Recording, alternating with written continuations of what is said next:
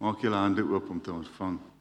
Genade en vrede vir julle van God ons Vader en die Here Jesus Christus deur die werking van die Heilige Gees. Amen. Goeiemôre geloofsfamilie. Ons is ehm um, vandag gaan ons 'n stukkie lees uit 1 eh, Samuel 1 tot en met uh, eh, 1 Samuel 2 van vers 2. Fokusvers is vers uh, is uh, Samuel uh, 1 Samuel 2 van vers 1 En dan gaan ons ook later na Lukas 13 toe gaan van vers 22. Maar kom ons begin met ehm um, 1 Samuel ehm um, 1 van vers 1. Die titel hier is Elkana en sy vrouens. Daar was 'n man uit Ramatayim, 'n Sefit uit die Efraimsberge. Hy was Elkana, seun van Jerugam, seun van Eliu, seun van Togu, seun van Sif uit Efrata. Hy het twee vrouens gehad. Die een se naam was Hanna en die ander sin Penina. Penina het kinders gehad, maar Hanna het nie. Elkana het elke jaar uit sy stad na Silo toe gegaan om te aanbid en aan die Here die Almagtige offers te bring. Eli se seuns, Hofni en Phinehas, was in Silo priesters vir die Here gewees. Elkana het gewoonlik op die dag wanneer hy geoffer het, dele van die offermaaltyd aan sy vrou Penina en aan haar seuns en dogters gegee. Alhoewel hy vir Hanna liefgehad het, kon hy net elke keer vir een deel gee van die Here het haar kinderloos laat bly. Dan het die ander vrou haar baie gespot en verneder omdat die Here haar kinderloos laat bly het. So het dit jaar vir jaar gegaan. Elke keer as Hanna aan die huis van die Here gaan offer het, het binne na haar gespot sodat sy gehuil het en nie wou eet nie. Dan sê haar man Elkana vir haar: "Hanna, waarom huil jy? Waarom eet jy nie? En waarom is jy hartseer? Ek is nie is ek nie vir jou meer werd as 10 seuns nie." Op 'n keer na die offermaaltyd in Silo het Hanna toe opgestaan terwyl die priester Eli op sy stoel langs die deurkusyn van die tempel van die Here gesit het. Sy was bitter hartseer en terwyl sy tot die Here gebid het, het sy onbedaarlik gehuil.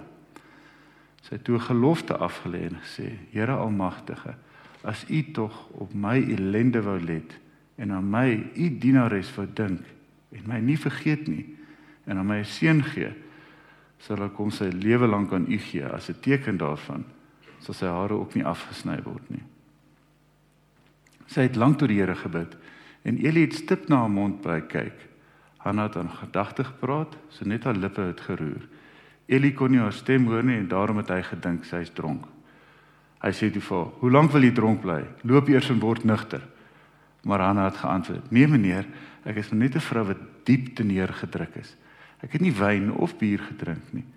Ek het my hart uitgestort voor die Here. Moet tog nie dink ek is 'n slegte vrou nie. Dit is oor my groot smart en leed dat ek so lank bly plaat het. Toe sê Eli: "Wees gerus en gaan nou maar. Die God van Israel sal aan jou gee wat jy van hom afgesmeek het." En sy het gesê: "Mag dit vir my wees soos u sê." Hy het toe sy het toe geloop en gaan eet en sy was nie meer bedruk nie. Die volgende môre het Alkana hulle vroeg opgestaan, die Here aanbid en teruggegaan huis toe. Nadat hy tuis gekom het in Rama, het Alkana gemeenskap gehad met sy vrou Hanna en die Here het aan haar gedink. By die wisseling van die jare is Hanna swanger. Sy het 'n seun in die wêreld gebring en uitgeroep: "Sy naam is Samuel." Van die Here het ek hom afgesmeek. Toe Alkana en sy hele gesin gaan om die jaarlikse offer aan die Here te bring en sy gelofte te betaal, het Hanna nie saamgegaan nie want sy het vir haar man gesê wanneer die seun gespeen is sal ek hom wegbring dat hy voor die Here verskyn en altyd daar bly. Haar man Elkana het vir haar gesê maak soos jy dit goed vind bly totdat jy hom gespeen het mag die Here sy woord bevestig. Hanna het toe gebly en haar kind gevoed totdat sy hom gespeen het. Toe sy hom klaar gespeen het het sy hom saamgeneem en ook 'n 3 jaar oud bul 16 kg meel en 'n kruik wyn.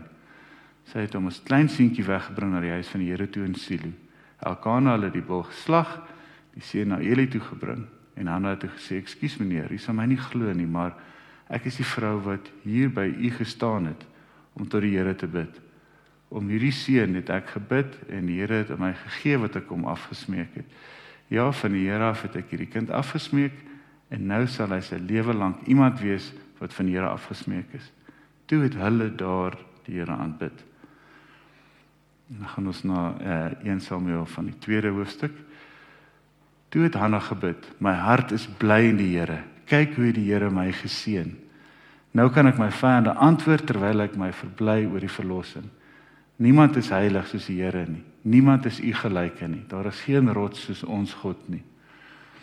En tot hier toe. Mag hierdie woord nou aan ons oopgemaak word en mag dit vrugbare grond in ons harte kry sodat ons kan leer van die Here se woord. So 'n bietjie agtergrond van hierdie stukkie. Um 1 Samuel en 2 Samuel is eintlik saamgeskryf as een boek. Um en dit is oor 150 jaar van die uh, van die Joodse volk uh ge, geskryfde geskiedenis. En die groot deel wat ons hierso sien is die oorgang, né, wat ons gaan van die rigters na na die konings toe. Nou ons nog nie by daai deel gekom nie. Maar Samuel speel nog 'n groot rol hierin. Hy's natuurlik die laaste van die rigters. Ehm um, en die eerste van van die profete, of nie eerste nie, daar's natuurlik voorheen profete gewees, maar soort van as die oorgangsfase een van die eerste profete wat die konings bedien.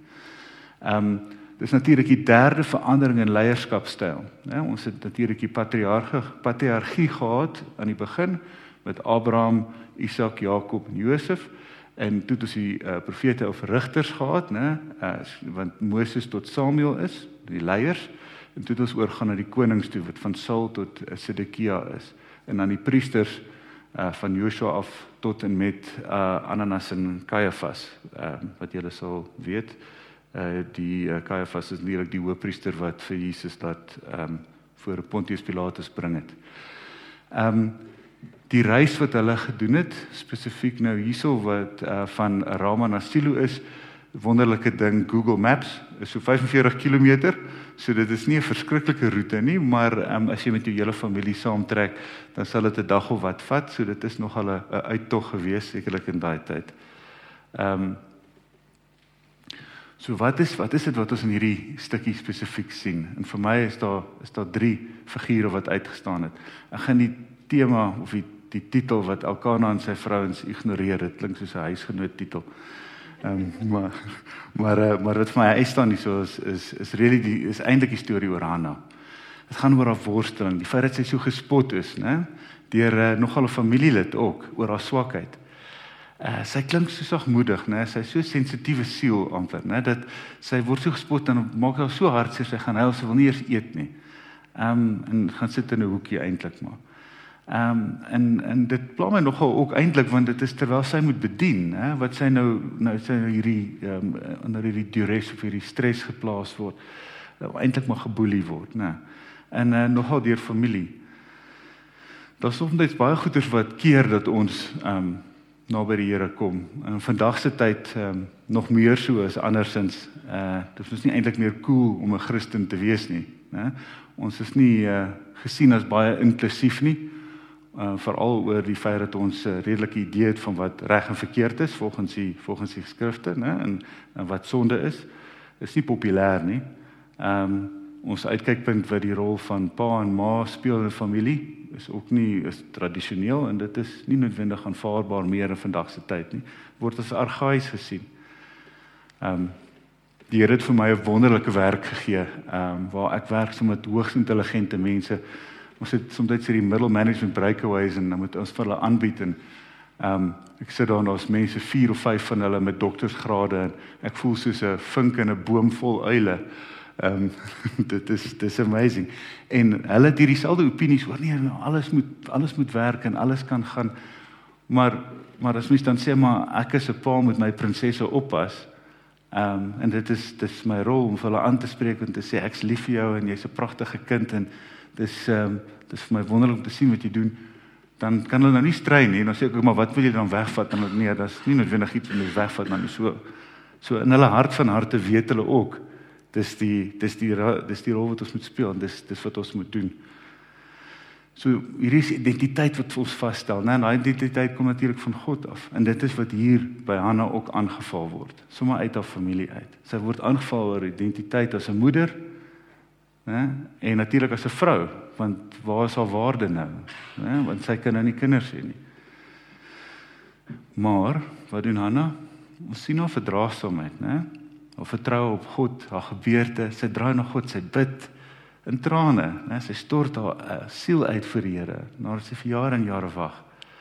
En die regter, Eli, sien hierdie emosie, né? Hy sien die gehuil.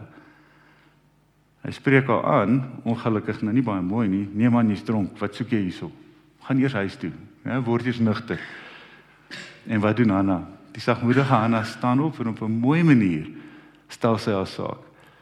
Musiek vir haar baie moeilik gewees het, né? Ons sien mos nou sy sensitief en sy's versigtig en nogal 'n rigter wat haar aanspreek. Dis nie 'n sommer net enigiemand nie.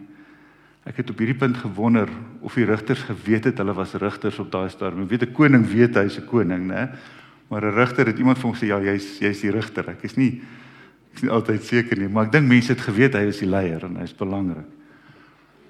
So die les hierso vir my wat baie mooi uitstaan is hoe om konflikte hanteer. Ek dink ons kan iets hiervan leer. So Eli tree verkeerd op, né? Hy's hard en hy maak hierdie aantuiging. Maar Hanna val hom nie aan nie. Sy krepeer ook nie en sê ooh, ek is nou 'n victim nie of slagoffer nie. Sy spreek die aantuiging aan, né? Sy sê nee meneer, ek is nie skuldig aan wat jy sê nie. Moenie van my sleg dink nie. So sy spreek sy emosie aan. Sy sê moenie so dink oor my nie. Ehm So hy word nou nie aangeval in die proses nie. So hy hy erken nou nie sy fout nie. Kom ons sê dit nou maar ook so. Maar hy probeer haar troos en hy bevestig en sê ja, wat jy gebid het sou afgesmeek word. Sy sê dis oukei. Okay weer daar kon Hanna gesê het, dink jy nie maar jy moet jammer sê nie, né? Jy kom ons nou agter hier was 'n fout. Maar uh, maar sy doen dit nie. Sy het dit nie nodig nie. Sy het sy daai sy daai gerusheid in haar hart gekry. Nou nou word sy nog meer bevestig, né? Sy word swanger. Sy het 'n seun. Ehm um, en sy wil die belofte hou aan haar seun. Haar ja is haar ja. Ja. En sy gaan dit doen sonder om te kla, gaan sy gaan sy die die seun oorhandig. Dit moes verskriklik gewees het, So seentjie was gespeen in daai tyd so tussen 3 en 4 jaar oud. En dis mos net as kinders regtig begin interessant word en hulle begin goedjies sê en doen wat mense eintlik wil hoor, né? Ehm um, en hy kla oor die terrible twos. So ehm um, sy hande vir Samuel uh, aan hom oor, maar wat sê sy daarin? Hulle bid daarna en wat sê sy? My hart is bly in die Here. Kyk hoe die Here my geseën. En daarna die onvrugbare bring sewe in die wêreld en jy met baie kinders kwyn weg. So dis nie hartseer nie. Hierdie is 'n oorwinningslied. Sy is bly in die Here. Sy voel bevestig. Sy staan in hy in hy rol wat die Here vir haar gegee het. Ehm um, sy verwys ook in hierdie stukkie na ehm um, sewe kinders wat die perfekte getal is eintlik, sou ek aflei, want um, ons lees verder in vers 21 dat sy nog 3 seuns en 2 dogters gehad het. Uh so saam met Samuel maak dit 6 Ek weet soms in my huis sê my vrou daar is 'n ekstra kind in die huis. Ek weet nie of dit dieselfde was met Elkana nie. Maar ehm um, um, ek vermoed dit is maar die perfekte getal gewees. So sy sê herstel na hierdie tyd van wag, né? Soms van ons ook deur sulke fases, né, waar ons waar ons voel ons moet nou by die punt uitkom ons herstel as dit werk wat terrible is of ons is in 'n situasie wat regtig nie goed is nie. En ons wil regtig net herstel word. Hoe lank gaan dit vat? Sy manna was vir jare was hy deur hierdie proses. Ehm um, en ons sit en wonder maar wat vat so lank want ons is ons wil dadelik deur dit kom. Nou ons wil herstel word. Ons is nie soos nie so patient soos die Engelse sê nie. Ehm um, maar God het sy tyd en hy het sy plan. Sy tyd is die perfekte tyd. Uh, net soos Hanna op daai tyd vir Samuel moes gehad het. Sy's 'n voorbeeld hier vir ons, né? Ons dink sy's nie sterk nie, maar sy is eintlik baie sterk. Dit was daar in haar baie oorwinning te behaal. En wat is die mooi uitkoms hier uit? Samuel was die uitkoms, maar die tyd was perfek en jy gaan nou-nou hoor hoekom dit gebeur. Want hy Samuel speel 'n goeie rol of 'n groot rol hierso. Maar hierdie stuk gaan ook oor Eli. Ja, Eli die rigter, hy was 'n rigter vir 40 jaar. En hy was nogal duidelik ook baie betrokke geweest by die tempel, né? Baie keer in hierdie tyd sal jy hoor die rigters of die leiers het by die stadspoorte gesit. Ehm um, so hulle daar gaan sit en dan mense ingekom, weet nuus gehoor, oor dit aangaan gepraat, skouers geskuur met al die mense met geld en al die ander leiers, maar dis nie waar Eli sit nie. Eli is in die tempel. Né? En hy is besig om te sien wat aangaan. Hy kan sien hoe 'n vrou bid. Uh so hy was hy was definitief betrokke en hy word erken as 'n goeie rigter. Ehm um, maar sy seuns Hofni en Phineas was nie. Hulle was ook priesters. Ehm um, maar hulle was slegte mense. Dit was dis baie duidelik uh in die storie gewees. Hulle het uh hulle het kickbacks gevat essentially van die van die offers. Ehm um, en en allerlei onsedelike dinge in die tempel gedoen. So hulle was regtig nie goeie mense nie. Ehm um, en en die erger ding is Eli het geweet hiervan. Dis asof hy 'n blinde kol gehad het vir sy kinders. Ehm um, hy word ook later deur Samuel gewaarsku waar Samuel vir hom uh basies sê, luister, die die, die feit dat jy niks omtrent doen nie, gaan jou ondergang wees. Ehm um, en hierdie seun se aksies wys minagting vir die Here in die ampt waarin hy geplaas het, in die verhouding waarin die Here moet staan, né? Terselfdertyd hierso is daar oorlog met die Filistyne. So wat gebeur nou hierna is ehm um, die Filistyne uh dit uh, kom weer in 'n in 'n in 'n oorlogssituasie met uh, met die Israeliete en uh hulle word verslaan in 'n in in 'n oorlog en hulle besluit nee nou is dit weer tyd om vir die Here in hierdie storie in te bring. En hulle gaan haal die ark en vir Hofni en Finehas en daar gaan hulle nou gaan hulle groot oorlog hê en almal is opgesaai en ehm um, 30000 van hulle gaan dood in die volgende veldslag en die ark word buitgemaak wat ek dink is een van die eerste kere daar die ark nou gevat word deur 'n deur 'n nasie met wie uh, Israel in konflik is. Ehm um, en uh, Benjamin niet kom uh, lewer die nuus af by Eli waar hy by die tempel sit en hy val agteroor en hy slaan dood neer. So sy seuns is dood. So op dieselfde dag verloor uh, die Israeliete hulle rigter, die ark uh, en en wat nou? Maar Samuel is daar, né? Perfekte tydsberekening. Samuel is erken as 'n profeet dat hy weet wat aangaan dat hy 'n man van inbors is en dat hy goeie goed wil laat gebeur. Ja, 'n interessante storieetjie hierso. 7 maande later word die ark teruggebring. Die Filistyne bring dit terug met 'n klomp goud en geskenke. Ehm um, want hulle kon nie die ark enige plek sit sonder dat 'n klomp mense doodgaan of siek word of pes kry in die uh, in die uh, ander tempelgode omval nie. Dit is eintlik bietjie komieklik, maar Ehm um, dis dis dis wys ons ook net waar ons geleer het van waar jy die allerheiligste gehad het in die agterkant en daar sekere gedrag om hoe mens met die ark werk wat definitief ehm um, wat definitief daar die krag het om te dink dat hulle dat die Filistyne dit sou terugbring aan die einde met al die geskenke is uh, is iets anders. So ten spyte hiervan onderdruk die Filistyne nog steeds vir die Israeliete. En ehm um, wat gebeur is ehm um, Samuel kom hulle kry hulle bymekaar by Mispa en hy sê vir hulle okay julle ons moet nou almal hierdie verhouding met die Here herstel nê want ons is nie op die regte plek nie. En hulle sê maar hoe kan dit wees? En Samuel sê vir hulle maar julle het nog beeltjies van Asartes en van Baal wat tussen julle huise nog staan. Dit dis nog hier. Ehm um, en die Here is 'n jaloerse God. Dit is nie hoe dit werk nie. Jy kan nie God en Baal dien of Asartes dien nie. Jy moet daarvan ontslaa raak. En my staan verbuister. Uh, ons het dieselfde gelees in Gideon vroeër waar waar Gideon hulle hulle wou almal na God toe draai, maar tog is daar nog steeds 'n baalbeeld in die in die in die tuin van sy pa. Dit is dis asof asof nou 'n soort van 'n blinde kol is. Ons sien nie die die foute wat ons maak nie. In elk geval wat gebeur, hulle raak ontslaaf van die beeltjies en die Here tree in en hulle verslaan die uh, die Filistyne weer. So die Here het 'n groot plan met hierdie wêreld en hy het 'n groot plan met ons. En en wat ek probeer hier uit verduidelik ook is daar is 'n plan met met hoe die Here verwerk ehm um, met die met die Israeliete.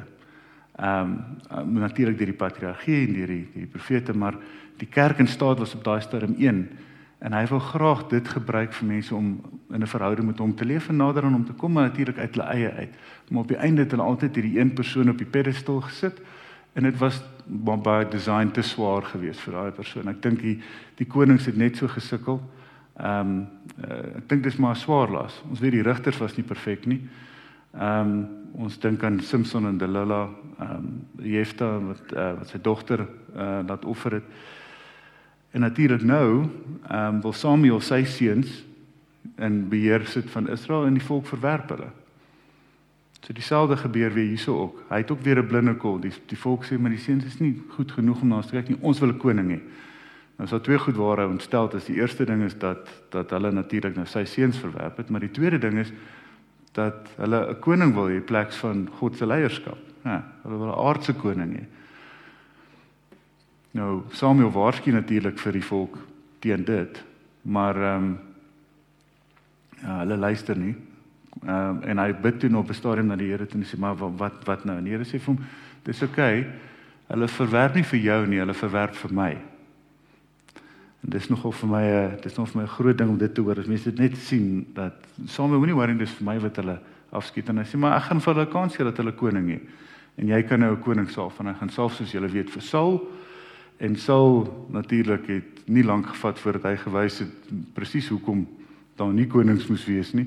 Ehm um, die eerste een van die, die groter opdragte wat hy gehad het, is dat die Amalekiete moes uitwis en hy moes die koning doodmaak en al die vee verwoes.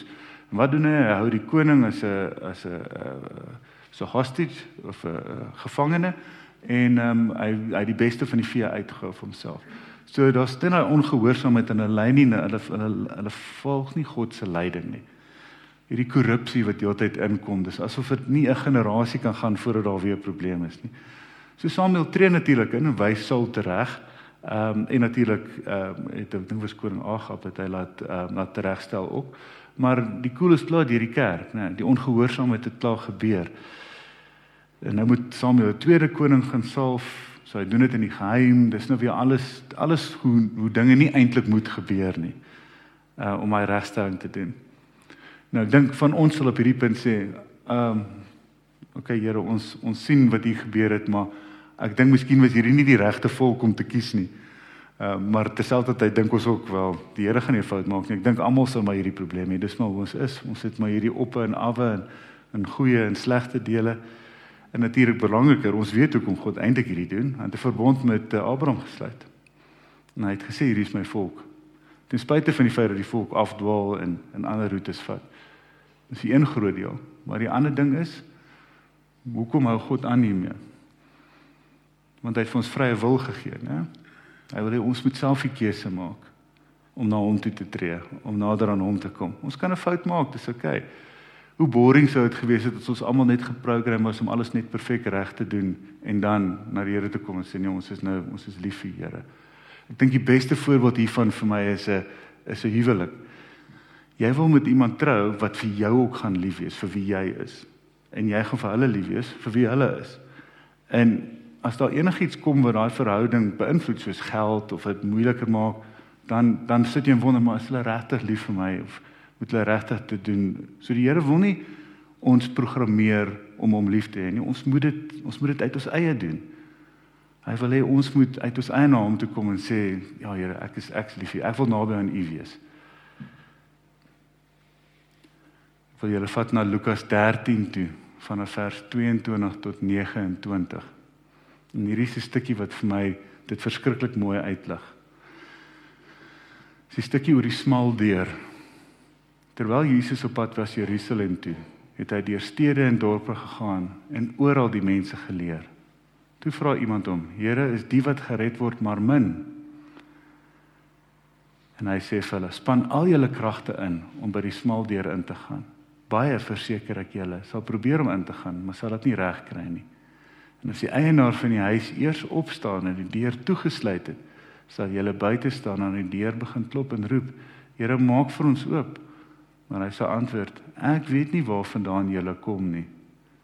En die ehm um, 33 vertaan het en sê ek, ek ken nie waarvandaan jy kom nie. Dan sal julle sê: "Maar ons het saam met u geëet en gedrink. Ons het op die strate het u die mense geleer." Maar hy sal weer sê: "Ek weet nie waarvandaan jy kom nie." Niemand van julle het gedoen wat reg is nie. Maak dat julle van my al wegkom. Daar sou julle huil en op julle tande kners van julle Abraham, Isak en Jakob en al die profete binne in die koninkryk van God sien terwyl julle self buitentoe gejaag word. Daar sal mense uit die ooste en die weste kom, uit die noorde, die suide en aansit by die feesmaal in die koninkryk van God. Onthou net, daar is laastes wat eerste sal wees en eerstes wat laaste is. So span jouself in om alles reg te doen. Dis natuurlik probeer die regte pad loop, né? Staan staan stuur weg van die vleeslike dinge af en wees meer in die meer in die in die in die Here se manier van goed doen. Weg van die wêreldse goed. Anders van die Here sê hy weet nie waarvandaan jy is nie. Ek dink om dit mooier te vertaal, uit daai stukkie het hulle eintlik hulle sê dat ek weet nie ek ken nie waarvandaan jy is nie. Dit sê eintlik ek weet nie van watter familie jy is of eintlik maar mooi vertaal, ek ken jou nie. Ehm um, en dis nogal 'n ding nou om te sê ek ken jou nie. Want dis eintlik waar dit waarop dit neerkom. Want ek wil hê die Here moet sê ek ken jou, Christian, dit sou vir my dit sou vir my baie beteken dat dat dit is waar ons staan. Ehm um, die Here het dan gesê ek sê geliefde kind. Né? En dit is 'n interessante punt want dit staan direk hierna sê Ons het saam met u geëet en gedrink. Nou die Joodse gebruik is jy eet en drink net saam met mense wat jou naastes is, né, mense wat jy ken, né, mense wat vir jou belangrik is, familie. So hulle dink maar dit beteken mos ek het was naby die Here, maar die Here sê nee nee. Nee nee, ek weet jy eet nie saam met enige persoon nie. Ek het jou gekies, né? Want ons is almal gekies. Ons is almal uitverkorenes, né? We are all chosen. Né? Broers en susters, ons is almal gekies en die Here nooi ons uit om saam met hom te wees. Maar ons moet daai keuse maak om die Here te kies ook om in ons te woon, om by ons te wees. Sodat ons 'n verhouding met hom kan hê, sodat die heerser van die heelal kan sê ek ken jou. So hoe doen ons dit? Wel dis maklik. Selfs as enigiemand met wie jy 'n verhouding het, né? Jy spandeer tyd saam. Stilte tyd. Lees die Bybel. Né? Praat met mekaar in gebed, nie net om vir die Here jou lysie te bid nie, maar ook om te hoor wat die Here vir jou wil hê. Kyk bietjie rond in die natuur. Ek weet nie of julle hierdie nuwe teleskoop wat hulle nou na die Hubble opgestuur het uitgestuur het nie, die pragtigste foto's van die heelal. Wat 'n wonderwerk het die Here nie gemaak nie om te loof ons om prys moet sing tot sy eer want daar op daai plek as ons op daai plek kom daar gaan ons sy rus vind sy vrede en sy genade daar bou ons 'n verhouding met hom. Dan kan ons soos Hanna sê my hart is bly in die Here. Kyk hoe die Here my geseën. Nou kan ek my vyande antwoord terwyl ek my verbly in u verlossing. Niemand is heilig soos die Here nie. Niemand is u gelyke nie. Daar is geen rots soos ons God nie. En as ons dan eendag by die smal deur kom, dan sal die heerser van die hele al sê: Ek ken jou, kom in. Ons wag vir jou. Kom ons gaan oor 'n gebed. Ons Vader in die hemel, Here, dankie Here vir die wonderlike boodskap wat U vir ons gegee het, Here. Dankie Here dat U met ons 'n verhouding wil hê. Help Here dat ons dit altyd kan sien dat U ook 'n perfekte plan het vir ons dat U ons gaan gebruik om in die koninkryk groot dinge te doen, Here. Groter as wat ons kan dink. Here, help ons om ook daai tree nader te gee, Here, want U het klaar daai tree gegee. Here, dan vra ek vir U seën oor ons, Here. Dankie, Here, vir U genade. Amen. Steek julle aan uit om die seën te ontvang. Die Here seën julle en bewaar julle. Die Here sien julle wil julle vrede gee. Die Here het 'n plan vir julle en wil dit tot uiting laat kom. Amen.